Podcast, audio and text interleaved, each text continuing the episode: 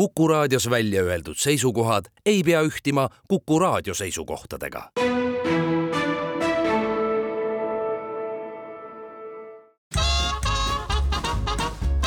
jäljed gloobusel tervist, ilusat äh, viimast augustipäeva Jäljed gloobusel stuudios, kus nagu tavapäraselt on kaks meest, Väino Laisaar ja Andres Karu. suur tere meil on äh, täna plaanis äh, rääkida ühest Euroopa riigist, mis ühtepidi ei asu meist kaugel, aga päris nii Lätiga võrrelda ei saa, et meie kõrval kohe oleks. nimelt selle riigi nimi on Ungari ja, ja Ungari on selles mõttes tore riik, et ta on merepiirita riik, asub siin mõnusasti Euroopa keskel ja naabri, naaberriikidena on tal siis Ukraina, Slovakkia Slovakkia, Austria, Sloveenia, Horvaatia, Rumeenia ja Serbia siis ka veel seal otsapidi juures. ja kui eh, me siin või õigemini sa nüüd eh, saate alguses ütlesid, et eh, riik ise ei asu meist väga kaugel, on Ungariga selles mõttes kihvt, et tema pealinn Budapest, mis siis koosneb nii-öelda Budast ja Pestist ja tegelikult ka kolmandast väikesest ühendlinnast, aga sellest jõuame veel rääkida, on see linn maailmajao üks kõige merekaugemaid linnu. nii et kui, jah, kui hommikul üles tõused ja tahad mere äärde minna? lapsed ütlevad, et lähme täna mere äärde, siis nagu see on see, lapsed, paraku me ei jõua õhtuks kohale. ja äh, nüüd on küll selline lugu, ma pean nüüd Ungari kahjuks võib-olla ütlema seda, et minu jaoks on ta ikkagi kujunenud pigem selliseks äh, riigiks, mis kannab Poolaga üsna sarnast saatust, mis siis tähendab seda, et ta jääb alati tee peale siis, kui on vaja kuhugi põnevasse kohta minna. ehk siis ta pigem on minu jaoks olnud läbi aegade selline transiitriik, noh, ma olen sealt sõitnud Bosnia-Hertsegoviinasse, Serbiasse, äh, Horvaatiasse, noh, ühesõnaga ta kuidagi nagu on ja, ja sealtkaudu täpselt samamoodi siis ka tagasi tulnud. aga mind on väga pikka aega nii-öelda sidunud Budapesti linn. minu vanadel autoajakirjaniku aegadel toimusid Budapesti linnas alati üsna mitmed auto nii-öelda presentatsioonid, mille käigus Budapesti vahet sai sõidetud ja seetõttu olen ma seda Budapesti ka risti-rästi pidanud erinevatel aegadel, erinevatel aastatel läbi sõitma, mistõttu eh, on Budapest jäänud minule hinge ka ühe sellise kõige ägedama Euroopa riigina ja, ja noh, seda infot ma muidugi olen siin erinevates saadetes ka pidevalt välja toonud. nojah, eh, Budapestis jälle minul tasakaalustamiseks, mul ei ole sinna üldse asja olnud, aga küll noh, esimesena, kui öeldakse Budapestis, eh, mis minul autodega seoses kohe pähe kargab, on Budapest Bamako nii-öelda nagu ralli, ralli on ju nii-öelda, mis siis on äh, igasuguste neljaveoliste ja kõikide muude harrastajate nagu üks selline äh, selline äh, katsumus, mida tihti ette võetakse, kui vähegi äh, piirangud ja kõik muud asjad lubavad, et alustatakse Budapestist, antakse start, sõidetakse läbi Euroopa, Gibraltari lähedal minnakse üle sinna Maroko poolele ja siis vanasti taheti siis välja jõuda Mali pealinna Bamokosse, aga olukord enam ei luba. nii et nüüd tihti on see lõppenud mõnes teises kohas on ju, näiteks, näiteks ka kuskil seal vist Dakari lähedal kuskil seal juba lõpetati ja mingil hetkel oli jah, veel kuskil seal seal allpool. igatahes eh, jah, et see ralli on eh, nagu ka üks asi, mis minul seostub. Eh, mina ei ole Budapestis käinud kordagi. see võib tulla osaliselt ka sellest, et tõenäoliselt see sind pigem rohkem huvitav piirkond asub seal põhjas, on ju, et kui Ungari muidu asub sellisel Donau keskjooksul ja, ja on pigem lame maa, siis Slovakkia poole pealt, sealt põhja poole peal, seal ta ikkagi kohtub ka Alpidega ja, ja võib-olla need kõrgemad tipud, mis just sind rohkem paeluvad, asuvadki seal ülevalpool. ja, ja pean ütlema, et jah, et eh, võib-olla kõige minu poolt kõige rohkem külastatud eh, linn on hoopis selline noh, ka veini pealinnaks tituleeritud Eger. Egeri linn on see siis, kust ka kõrgema tipuni, mille nimi on Kekes või Kekestetö pikalt, et on niisugune napp seitsekümmend kilomeetrit, nii et kes kes tahavad Ungari kõrgemasse tippu sattuda, siis esimene suund võib teil olla just nimelt Eger ja, ja, ja te, veel üks, kui, kui öelda inimestel nagu Ungari on ju siis, kui äh, jätta kõrvale nende äh, väga autoritaat-, autoritaarselt riiki juhtiv on ju äh, juht nimega Orban siis noh, peale Orbanit kohe esimesed asjad, mis tulevad lisaks Budapestile meelde, kindlasti on ka Palatoni järv näiteks, siis ma pean ütlema, et olles Ungaris ka vähemalt, ma ei tea, viis või ma ei tea, mitu korda sealt läbi käinud, ei ole mina seda Palatoni järve näinud, kuigi ta on suur nagu meri tegelikult. ja Euroopa suurimaid järvesid. Ja, ja kui sina ei ole näinud, siis mina olen selle lähedases naabruses, isegi võiks öelda kallastel, paar korda sattunud ööbima, aga, aga tegemist on siis väga suure järvega, millel on üks väga suur eripära, et kui sa plaanid sinnakanti kuhugi ööbima minna ja guugeldad endale mõne Palatoni eh, nime kandva koha, siis eh, kohale jõudes selgub, et eh, kogu selle hiigelsuure järve äärsed külad, linnad, asulad, hotellid, majutuskohad, kämpingud, kõigi nimedes on Palaton sees. nii et neid Palatoni nimega kohtasid on nii, et kui sa võtad Google'isse, lööd Palatoni sisse,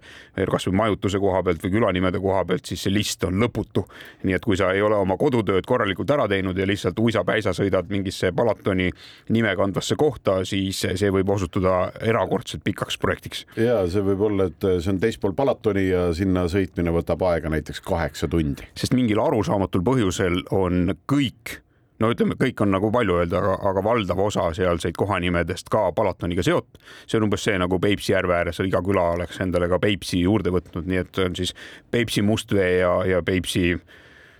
mis iganes, Peipsi Vask Narva ja. jah, just. mina sattusin äh nagu nii-öelda spetsiaalselt Ukrainasse, Ungarisse, vabandust, et Ungarisse sattusin esimest korda aastal kaks tuhat kuus ja see oli selline, see oli selle noh, ütleme niimoodi, et Ungarisse minekuks mul oli mitu põhjust. see oli oktoobrikuu ja ma olin just septembri alguses ja just tarkusepäeval, esimesel septembril olin äh, Kaukaasia mägedes äh, üksi ringi tuiates, olin äh, sattunud kivilaviini teele ja keha oli endiselt veel niisugune natukene hell ja läbi raputatud, mis tähendas seda, et ma oktoobrikuus kuhugi nagu tõsist tippu tegema ei saa minna. ja siis tol ajal oma värske elukaaslase Tiiaga siis me me mõtlesime, et noh, et võiks võtta mingi riigi ikkagi mis ja meil olid kriteeriumid olid väga lihtsad, et ta, ta peaks olema kindlasti Euroopa riik, kuhu on autoga võimalik äh, kohale sõita. Ja see kõrgem tipp ei tohi olla siis väga-väga kõrge ja keeruline. ja siis, kui me kaardi lahti lõime, siis põhimõtteliselt meil jäigi ainult kaks võimalust, et kas me lähme Taani või lähme Ungarisse. Ja Ungari kasuks rääkis see, et kui Taani kõrgem tipp on vaid sada seitsekümmend üks meetrit üle merepinna, siis Ungari oma on üle tuhande ikkagi, napilt tuhat neliteist, viisteist, noh, vaieldakse selle üle pigem tuhat viisteist meetrit. Kekes vist on selle nimi. just, Kekes ja, ja Kekes Tetö, kui on jah, Tetö lihtsalt seal lõpus tähendabki mäge põhimõtteliselt äh, tõlkes ja kui juba tõlkimiseks läks, siis äh, noh, tean veel ühte ungarikeelset sõna, see on äh, Kekes, tähendab sinist ehk siis Sinine mägi on ta nimi, kusjuures ta eemalt vaadates tõesti niisuguse udu seest ta niisugune sinakas, sinakas tundub. Ja, ja ma pean ütlema, et noh, et kuigi me oleme soome-ugri keelegrupis koos äh, Ungariga nagu täiega sees, siis ma pean ütlema, et noh, täpselt selline see ungari keel ongi, et mitte ükski sõna ei sarnane tegelikult mingile eestikeelsele sõnale, ma ei tea, miks me selles samas grupis oleme. ka eestlanegi peaks minu meelest olema midagi nagu estossaag või, või kuidagi sedasi ahah, igatahes noh, et seal nagu see lootus, et lähed ja et kui inimene inimene ei oska inglise keelt, et siis saab nagu omavahel räägitud, sest me oleme ju samas keelegrupis, noh, ei, see lootus ei saa kunagi täidetud. igatahes jah, ja nii me sattusime ja, ja ma mäletan veel ka, et see oli see oli selline tore nagu minek selles mõttes, et äh, okei okay,, et on meil suunaks on Eger, siis ei olnud veel kepsud ei olnud nagu liiga arenenud, me võtsime mingi selle ikka tom-tom äh, suunaja endal, see näitas ka huvitavaid asju vahepeal, aga noh, saime nagu liikuma ja me võtsime autoks, võtsime minu õe Toyota Corolla, sest äh, noh, see võttis lihtsalt oluliselt vähem kütust kui, kui minu Land Rover, mis, millega oleks saanud ka minna ja siis äh, niisuguse pisikese Toyotaga siis sinnapoole hakkasime veerema ja äre, mulle see protsess nagu on väga hästi meeles, sellepärast et äh, meil olid äh, mõned ärevust tekitavad asjad kohe kaasas. üks oli see, et õde oli juba pannud siis naasterehvid endale alla ja siis, kui me oktoobri lõpus vaikselt hakkasime vurama, siis teadsime, et Lätis ei tohtinud tegelikult olla naastrehvid sel ajal. Leedus oli ka see, et nelja päeva pärast ehk esimesel novembril tohtis olla ja sealt edasi veel mingi umbes noh, ei tohtinud Poolas, ei tohtinud Slovakkias kuskil. ja meil on naastrehvid all ja me läheme, aga olime valmis selleks, et kui on väga vaja, siis võtame tangid ja kisume lihtsalt need välja või laseme kellelgi kiskuda. aga äh, pulilt läks nõnda jah, et sättisime ennast kuidagi aasta kaks tuhat kuus tuletab meelde siis on ju, et ikkagi oli piiride peal oli veel mingid eh, noh, natuke tihedam kontroll kui, kui praegusel hetkel. Ja siis sätsime ennast eh, Lätti minnes mingi mingi suure auto sappa, nii et see klõbin ei kostnud välja. Leedus ei läinud nii hästi, kutsuti mind sisse vestlusele ja Leedu piirivalvur küsis, et kas ma, kas ma nagu inglise keelt oskan, siis ma ütlesin, et oskan, siis andis mulle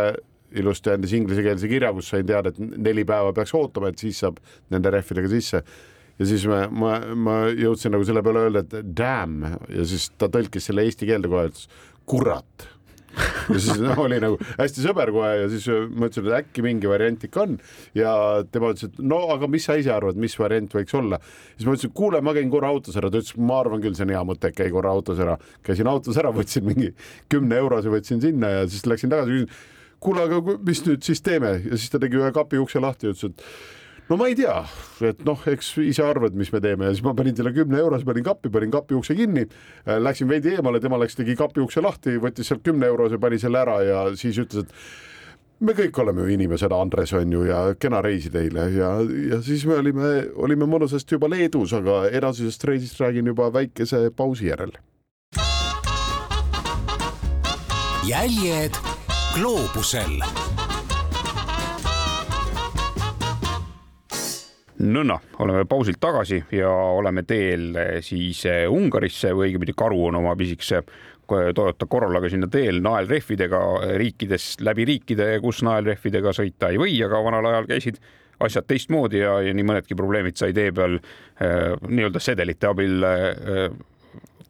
no lahendatud jah, nõnda, et eh, kusjuures me, meil oligi nagu Leedust veeresime siis juba nagu mõnusasti läbi ja niisugune naelaklõbinal. Ja siis noh, Poolas samamoodi ei tohtinud need naelad tegelikult all olla, aga seal eh, võeti meid vaata Poola piirivalve, see, see on natukene oli nagu, me, me oleks nagu ajahüppe teinud siis, et aasta oli kaks tuhat kuus, et juba oli arenenud, aga me nagu hüppasime ikkagi üheksakümnendatesse korra tagasi nendel piiriületustel, et oli nagu vanasti tunne sest äh, Poola piirivalvurid ka, et saime nagu muidu kontrolliti ära, aga siis mingi kaks tüüpi võtsid ikka nõks hiljem meid nagu maha ja siis millele nemad osutasid, oli esiklaasis olev väike pragu. Ja ütlesid, et no nii, et nüüd on selline värk, et sõidate tagasi sinna oma pagana Kaunasesse seal Leedus onju, seal vahetate esiklaasi ära ja näeme ülehomme onju, umbes oli nende sõnum. Ja siis noh, hakkas jälle see, et no kuule, et nii ikka noh, et jube ebamõistlik tundub, et õhtu ka siin juba ja siis et nojah, olgu siis teeme viiskümmend eurot. Ja no lõpuks kahekümne euroga saime sealt tulema. Ja, ja edasi nagu läks kõik tegelikult väga toredalt, selle ühel hetkel eh, on see, seal on muidu kogu aeg kulged ju seda kuulsat E kuutekümmet seitset pidi on ju, sõidad sinna Euroopa poole, nagu oled harjunud, et Ungarisse minnes siis tuleb äh, enne Varssavit ikkagi sellelt äh, maanteelt hoida natukene vasakule, sest muidu paned sellest mitte nii väiksest Ungarist on ju mööda ja siis äh, täpselt nii me tegimegi ja lõpuks olime, olime siis, äh, ületasime piiri, vahepeal Leedus korra ööbisime ja siis äh, lõpuks jõudsime Ungari piirile ja saime uue riigi endale kirja. aga mhm. kuidas no,, kuidas, jah? no tegelikult ega nende naeladega tänapäeval sinna sõites suurt muud muret polegi, kui tee peale jääv Slovakkia on ju, et, et kui lihtsalt panna, et hakkame sõitma nüüd Budapesti või paned mõne muu äh, Ungari aadressi endale moodsasse navigatsiooniseadmesse, siis mingil põhjusel nad ajavad kõik läbi Tšehhi ja Austria. et niisuguse kaarega need tahavad selle Slovakkia alati tee pealt ära lõigata, sest see mägitee Google'i arvates on puhas puhas saatan seal vahepeal mm -hmm. oma kõverate ja aeganõudvate kurvidega ja, ja, ja keerulise liikluse, aga äh, panen siinjuures kõigile südamele, et kui olete sinnakanti minemas, siis äh, öelge oma navigatsiooniseadmetele vahepunkte pannes, et ikkagi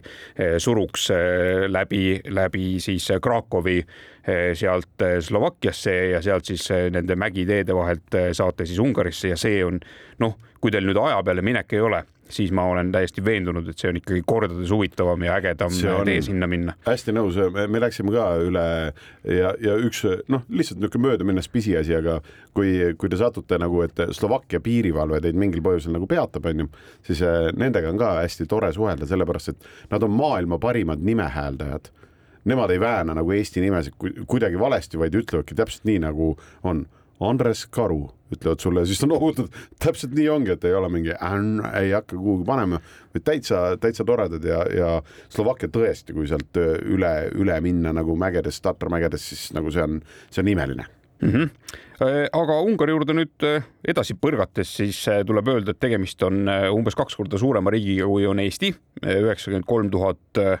üksteist ruutkilomeetrit on tema suurus ja sinna on ennast elama sättinud üheksa koma kuus miljonit inimest. ja, ja nagu siis ennist öelda sai, siis valdav osa sellest riigist on ikkagi selline lauskmaa. kliima läheb soojemaks, ega seal väga nende naelrehvidega väga muud teha polegi, kui lihtsalt tavaliste vastu vahetada, sest seal ei ole enam mõtet nendega väga krõbistada, sest mägine pool jääb ju tegelikult ainult vastu seda Slovakkiat. ja iseseisvus saabus Ungari riigile siis pärast maailmasõda ja siis tuhande üheksasaja kaheksateistkümnendal aastal kuulutas ta ennast iseseisvaks riigiks, aga enne seda oli tal seal kosilasi veel. oi jaa, seal oli noh Nad, nad on ise muidugi, ungarlased on, ega nad on niisugused sõjakad olnud nagu läbi ajaloo kogu aeg, et noh, pigem ümbritsevaid rahvaid ja riike ja rahvuseid nagu terroriseerinud seal. Ja ne, neil oli ka, et nad tükk aega müttasid, aga kuidagi kuueteistkümnes sajand oli siis selline, kus nad vahepeal ka türklastega kohtudes said teada, et aa, et osad võivad olla meist tugevamad. Ja jäid siis nagu Türgile, Türgi alla nagu mingiks ajaks ja, ja, ja no neil on seal olnud ka see, et noh, ümbritsevate riikidega erinevaid piire on seal jagatud, noh, Transilvaania on olnud mingitel aegadel Ungari osa ja, ja, ja noh, mingi, see oligi täpselt nagu üheksateistkümnenda sajandi keskel oli äh, aastal tuhat kaheksasada nelikümmend üheksa, kus nad korra kuulutasid ennast iseseisvaks ja, ja siis äh, mõtlesidki, et nüüd saab nagu toredat Ungarit sinna, Ungari rida ajada on ju vahepeal, aga siis venelased ja, ja austerlased üheskoos otsustasid, et ei, et meil on vaja ikkagi see Austriale allutada ja noh, Austria osad on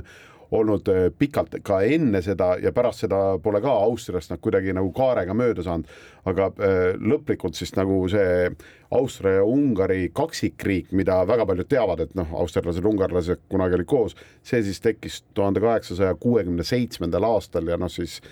Austria keiser põhimõtteliselt oli ühtlasi ka minu tea andmetel oli see, et, et ta oli Austria keiser, aga samal ajal oli ka Ungari kuningas on ju, et noh, nii niimoodi nad seal müttasid, aga noh Äh, neid riike on seal tõesti olnud niimoodi, et ümbritsevad alad on vahel nagu olnud nii-öelda Ungari osad, et on olnud äh, noh, Transilvaania, nagu ütlesin, Slovakkia on näiteks olnud täiesti Ungari osa nii-öelda mingitel aegadel, Taga-Karpaatia on olnud ja, ja Horvaatia samamoodi, et ka Horvaatiat on nii-öelda Ungari koosseisus peetud, nii et see ajalugu on olnud selline kirev ja see, seda kõik siis, kuni Esimene maailmasõda hakkas siis tegema korrektuure jälle maailmakaartidel ja eriti Euroopa kaardil ja siis, siis tuli iseseisvus ja, ja, ja mingil hetkel siis jällegi noh, ütleme siis niimoodi, et äh, kuna teises maailmasõjas nad tegid ju selle valiku, et nad sõdisid nii-öelda Saksamaa, Natsi-Saksamaa poolel, siis äh, loomulikult tekkisid korrektuurid pärast äh, seda ka ja ja Nõukogude Liit veidikene siis hoidis oma käpa all siis seda Ungari kommunistlikku riiki mõnusasti siis pärast teist maailmasõda mm. -hmm. ja kui nüüd tänapäevasele Ungari kaardile otsa vaadata, siis tegelikult äh, on ta pooleks lõigatud ja teda lõikab pooleks siis äh, maailmakuulus, kui mitte maailmakuulus, aga Euroopa kuulus äh, suur jõgi nimega Donau, mis on siis äh, kaks tuhat kaheksasada viiskümmend kilomeetrit pikk ja, ja läbib üheksat riiki, kui ta sealt kuskilt äh, Lääne-Saksamaalt väikesest allikast vaikselt pihta hakkab. ja, ja lõikab ta siis lisaks äh, Ungarile pooleks ka siis juba eelmainitud pealinna Budapesti. Mm, no tegelikult see Donau äh, ikkagi oma teel Musta merre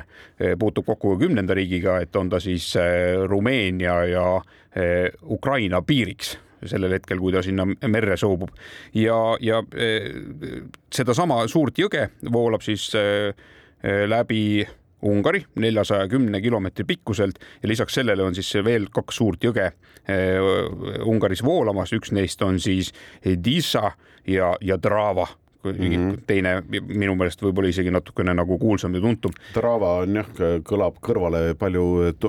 tuntumalt. absoluutselt ja siis on muidugi keset seda Ungarit, õigemini siis Kirre-Kagu edelas Budapesti poolt vaadates on siis ka see Euroopa suurim järv Balaton, mis on seitsekümmend kilomeetrit pikk, aga selle eest väga madal ütleme mm -hmm. nii, et kõige suurem sügavus on seal kaksteist koma kaks meetrit, aga keskmine on kolm koma kaks ja, ja noh, siit võiks tõmmata paralleeli, et kui Palatoni järv oleks näiteks Hiinas või hiinlased oleks ümber Palatoni järve, siis tõenäoliselt järve poleks, nad oleks kõik igale poole sinna madalasse vette riisi istutanud. Mm, just nimelt ja kas, kas sul on äh, nende Ungaris käimist, ega on sulle midagi selle, selle ungarlase kui sellise kohta ka nagu silma jäänud, et mille poolest ta näiteks eristub, ma ei tea, naabritest või eestlastest? otsest sellist paralleeli ma tõmmata ei oska, küll nüüd Slovakkia poole pealt tulles eh, on, on eh, minu meelest üks suurimaid edasiminekuid see, et, et noh, esiteks on ju auto matkamise mõttes on maa läheb selliseks laugeks, on ju, sa saad selliseid pikki põlluvaheteid sõitma hakata, kui sa sealt Slovakkia mägedest oled ennast eh, läbi närinud. Ja, ja teisest küljest ma nüüd ei ole küll kursis, kui suur veinimaa Slovakkia on, aga Ungari selle eest on nii et, et kui sealt mägedest ennast läbi äh, närida ja olles selline ütleme veinimaias või veinilemb, siis, siis näiteks Buda või sellesse Ungarisse korraldatakse juba spetsiaalselt selliseid äh, veinireise, seal on spetsiaalne veini äh, nii-öelda nagu rada olemas, kus sa saad siis ühest sellisest uhkest veinimõisast ja istandusest teise käia ja, ja omal nahal ja kehal ära proovida siis erinevad asjad. Ja, ja need tegelikult paljud nendest sobivad väga hästi ka ööbimiseks, nii et kui Ungarist on aega läbi läbi sõita ja, ja vein on teema, siis igal juhul tasub, tasub paaris sellises uhkes veinimõisas peatuda ja, ja vähemalt need inimesed, kes on nendes veinimõisates minuga kohtunud või noh, ütleme siis teistpidi, mina olen nendega seal kohtunud, need on olnud küll äärmiselt eh, sõbralikud ja, ja toredad inimesed. Ja, ja samamoodi eh, ei ole mul olnud ühtegi halba kogemust eh, minu meelest ka Budapestis ja, ja tegelikult Ungaris võib-olla üldiselt, et, et kui ma nüüd siin peas olevas ajaloo kartoteegis segan, mis, mis on noh, võib-olla piltlikult öeldes näeb välja nagu laste selline mänguasjakast, kus on mustmiljon äh, erinevat klotsi ja mänguasja ja siis sobrad ja proovid sealt õiget infot üles leida, siis ei tule ette, et oleks äh, kunagi olnud ühtegi probleemi Ungari pinna peal, küll paar, noh, nagu ma siin eelmises plokis ka juba rääkisin, hulganisti segadust on ikkagi pakkunud see Palatoni ääres ööbimine tänu sellele, et seal on kõik asjad ühe sama nimega.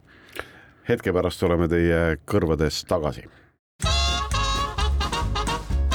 jäljed gloobusel. tere tulemast tagasi. jäljed gloobusel räägib täna Ungarist. mul kui Väntsa eelmises lõigus jah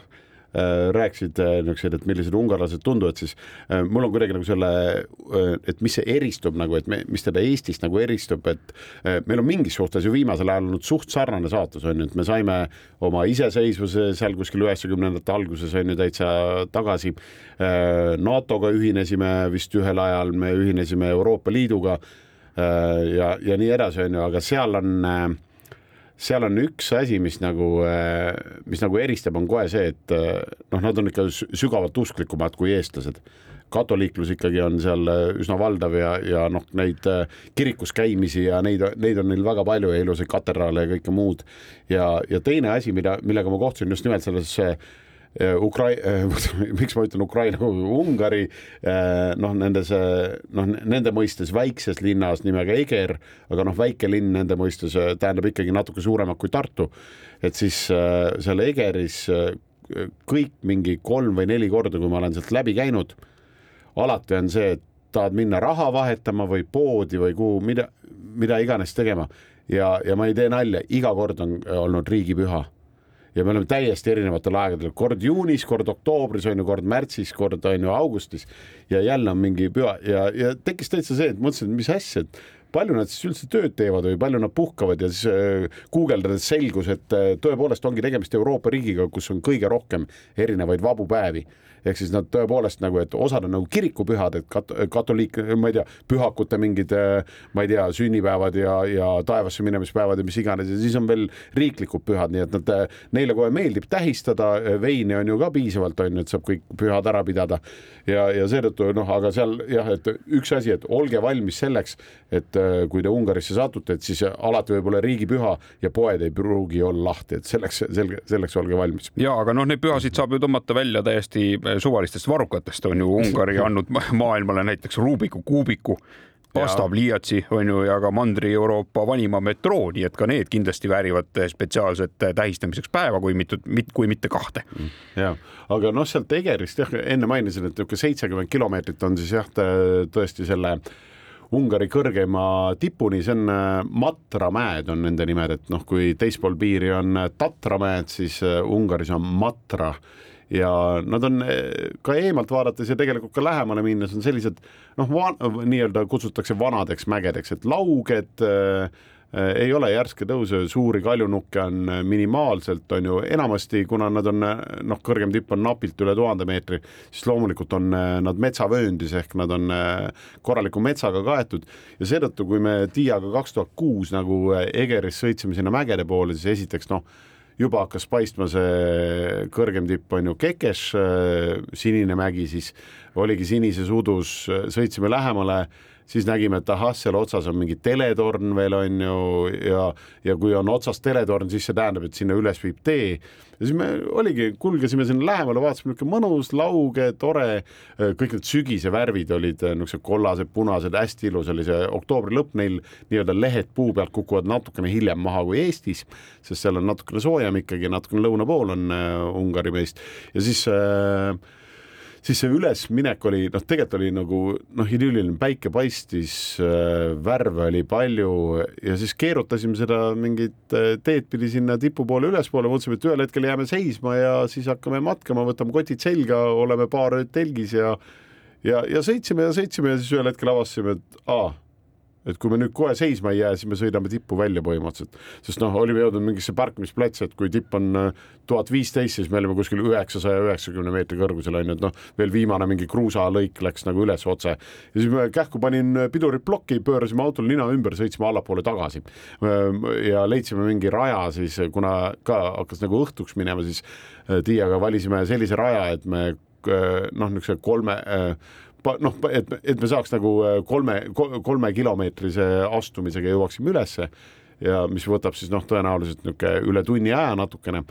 pakkisime oma kotid, jätsime auto ilusti parklasse ja siis äh, panimegi jala jala ette ja, ja, ja see oli väga nauditav nagu kõndimine, niisugune täitsa rahulik, niisugune pühapäevane jalutuskäik. kõndisime, lehed sahisesid nagu ma ei tea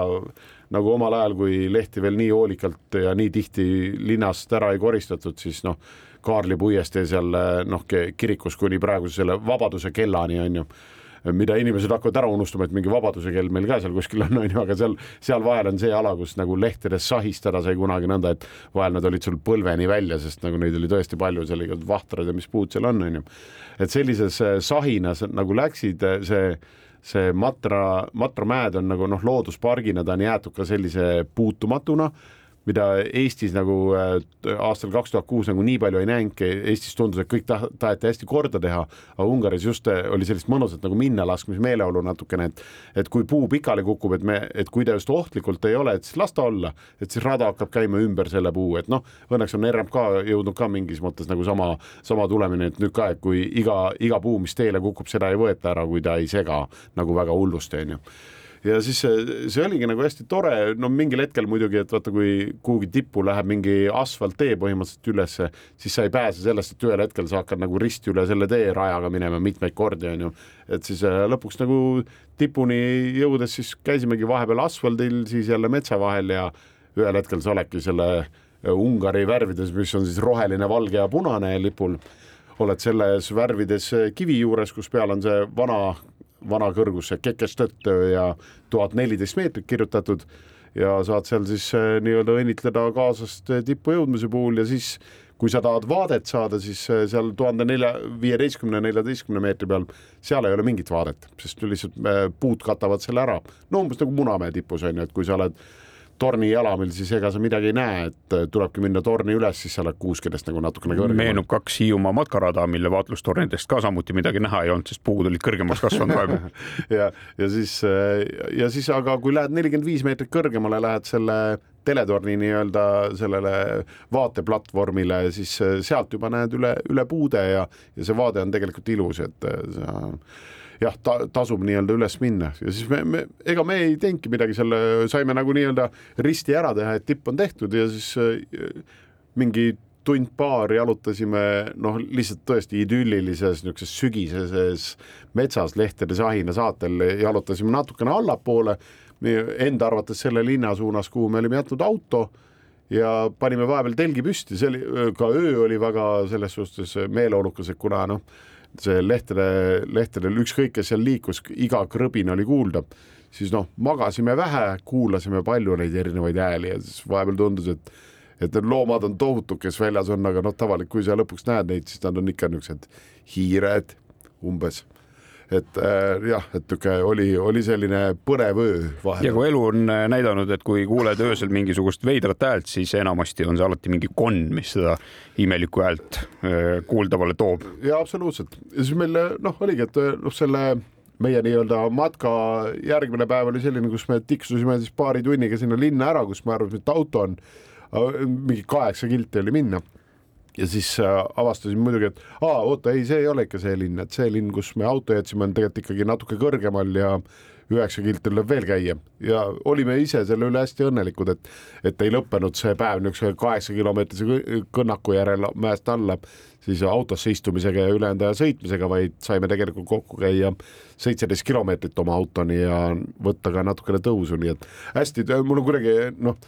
hästi mõnus niisugune astumine ja see sügis just sobis sellele noh, matramägedele nagu ülihästi aga kas telkimine kui selline oli tasuta, oli seal mingisugune vastav taristu välja ehitatud ja matkarajad rahvuspargile omaselt, mida mööda sinna mäe otsa sai minna või see oli pigem ütleme, kas alternatiivina, kas mööda autoga mööda asfalti või siis raginal läbi metsa? noh, ta, tal ikkagi matkarajad olid olemas, neil oli ka seal mitu tükki, et mingil hetkel nad seal liitusid ja noh, me ikkagi üles läksime ühte rada pidi, alla tulime teistpidi.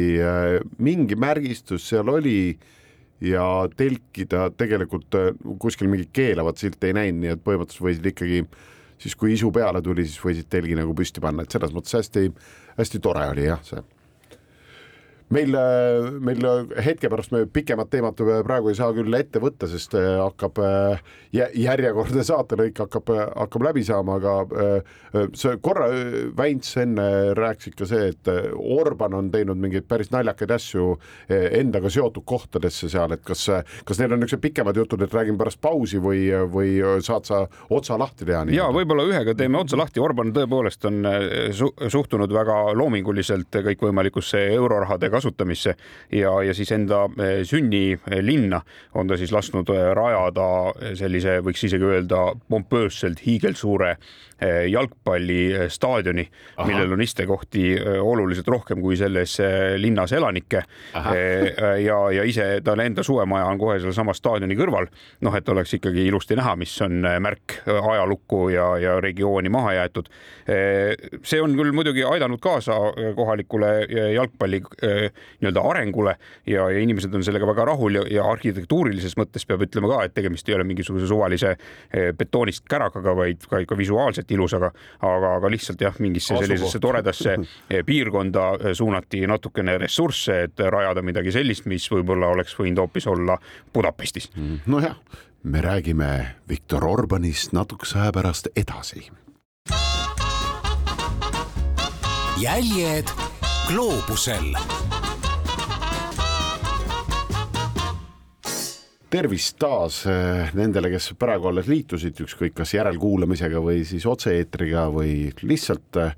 lihtsalt kordussaatega. tervitame Väntsiga teid eh, Jäljak Gloobusel stuudiost ja täna oma kuuekümne teises saates oleme rääkinud Ungarist ja enne pausi jäime pooleli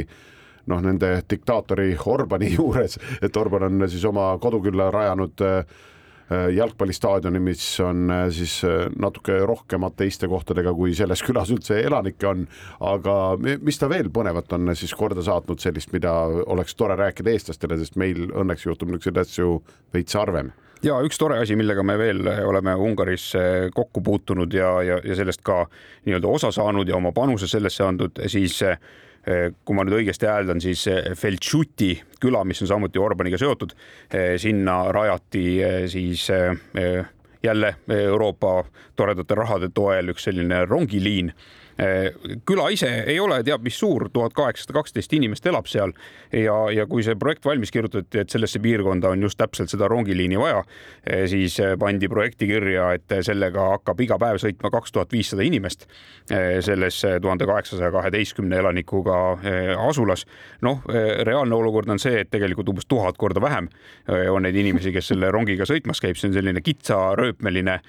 veits retro tüüpi rong, mis siis mööda mööda seda rajatud raudteed edasi-tagasi sõidab ja edasi-tagasi ongi võib-olla kõige mõistlikum selle kohta öelda, sest üks ots kuhugi suvalisse põllu keskele kestab kuus minutit, mispeale jääb rong seisma, laseb kerge vile ja, ja siis sõidab jälle kuus minutit sinna algusesse tagasi. nagu et, päriselt või? absoluutselt ja, ja see on selline tore, tore natukene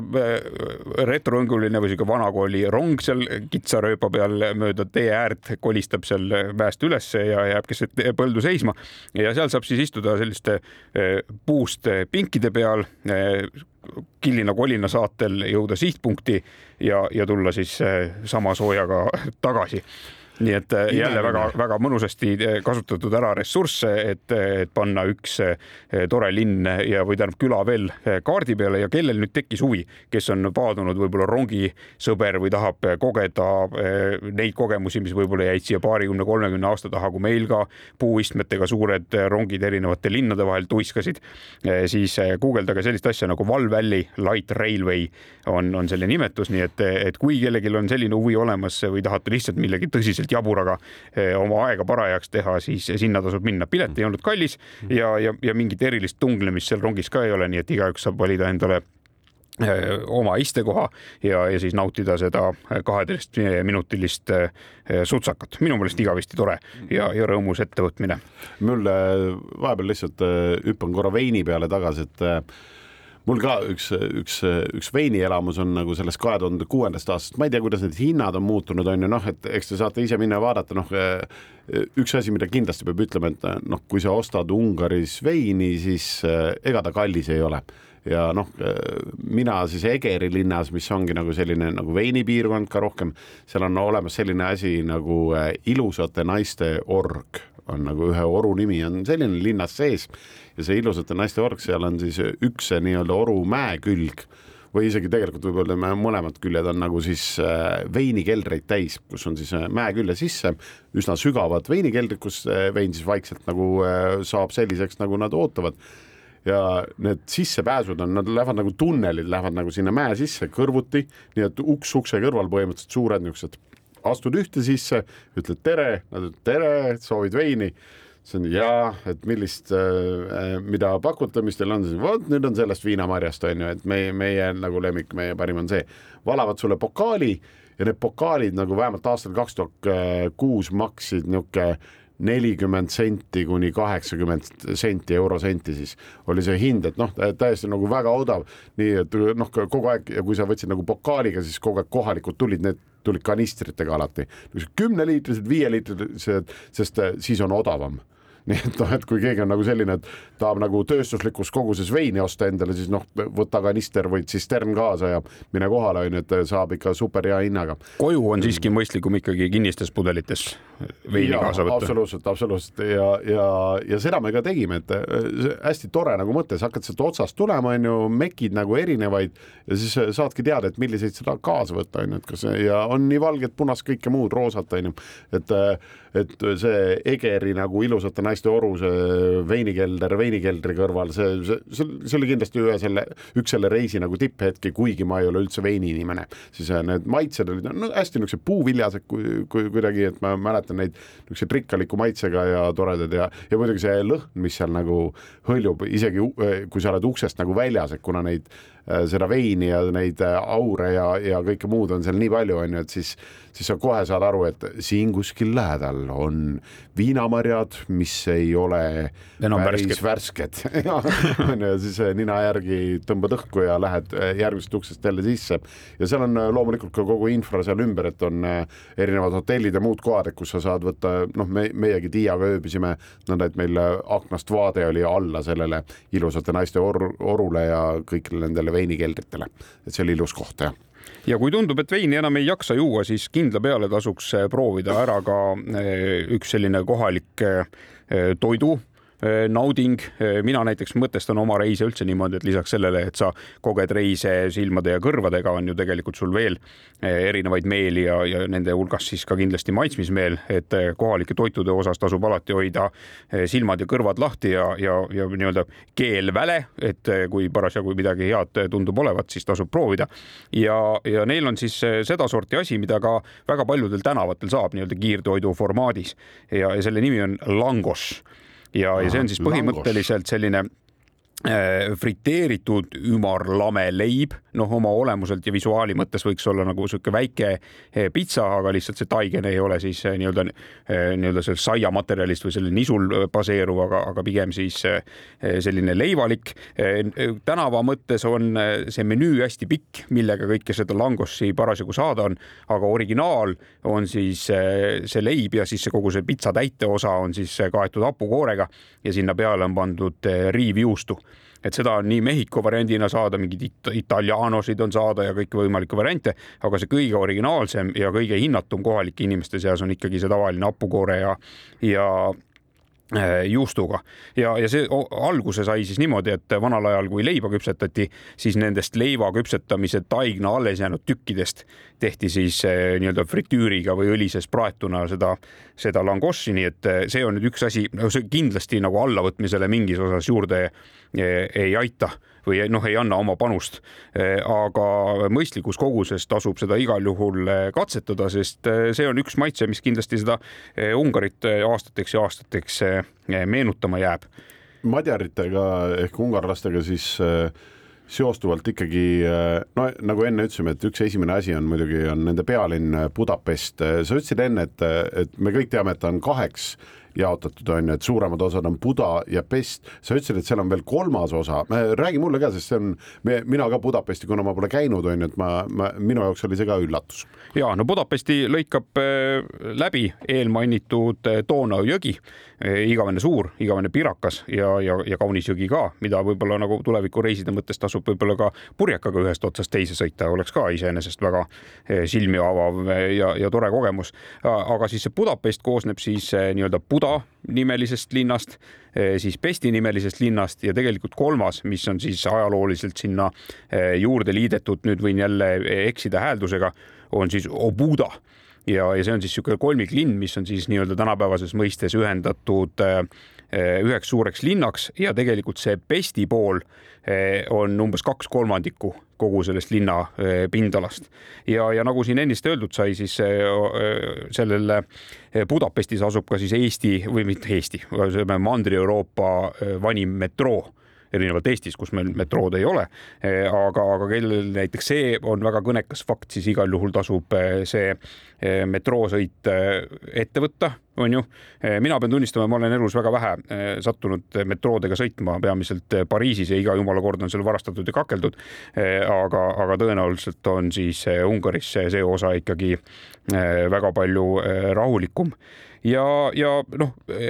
seda, mida äh, Budapestis vaadata on, seda ma olen siin erinevates saadetes rääkinud nii selles arhitektuurilises mõttes kui ka, kui ka üldse selle linna planeeringu mõttes, et, et minu meelest see selline äh, väljakute ja, ja, ja jõeäärsete selliste noh, imetabaselt eh, huvitavate majadega linn on selline, kuhu tuleb ikka ja jälle tagasi minna ja mis on iseenesest väga huvitav, on see, et vanal ajal, kui oli ehitada väga keeruline ja raske, ehitati seesuguseid vägevaid eh, ehitisi, mis on elanud läbi ajaloo ja tänapäeval, kui ehitamine on kõik väga lihtne laotakse ainult taevani tõusvat mingit eh, terast ja klaasi, minu meelest on see kohutavalt ebaaus ja ühte asja ütlen veel Ungari kohta kui on maailmas olemas riike, eh, kus on kontrast sees suurtel teedel ja väikestel teedel, siis igal juhul, kui teil aega on, siis Ungaris kasutage sõitmiseks neid väiksemaid teid, ärge sõitke neid suuri teid, sest nende väikeste teede äärde jäävad imetabased kohad ja, ja see loob sellest kogu Ungarist läbisõitmise või Ungarist sõitmise hoopis eh, uue mulje. Ja öeldes seda, tuleb tunnistada, et minu järgmine reis juba paari päeva pärast hakkabki viima jälle taas Horvaatia poole, sest mõned aastad pole sinna sattunud ja, ja praegu suutsin ennast ikkagi selle saate käigus ära rääkida ka selles mõttes, et ma ikkagi lähen nüüd jälle Läbi üle. Slovakkia ja läbi Ungari ja, ja võtan selle osa natukene rahulikumalt jälle. väga tore, aitäh kõigile kuulamast. lõpetuseks siis nii palju, et äh, rääkisime Ungarist ja kui äh, kuulaja küsib, et kas sinna tasub minna koos lastega, siis mina ütlen, et julgelt tasub minna koos lastega ja Ungari on riik, kuhu täitsa vabalt võib kohale sõita. Aitäh teile kuulamast. Väino Laisaar ja Andres Karu olid teiega. püsige ikka meiega ja eh, olge avarad. jäljed gloobusel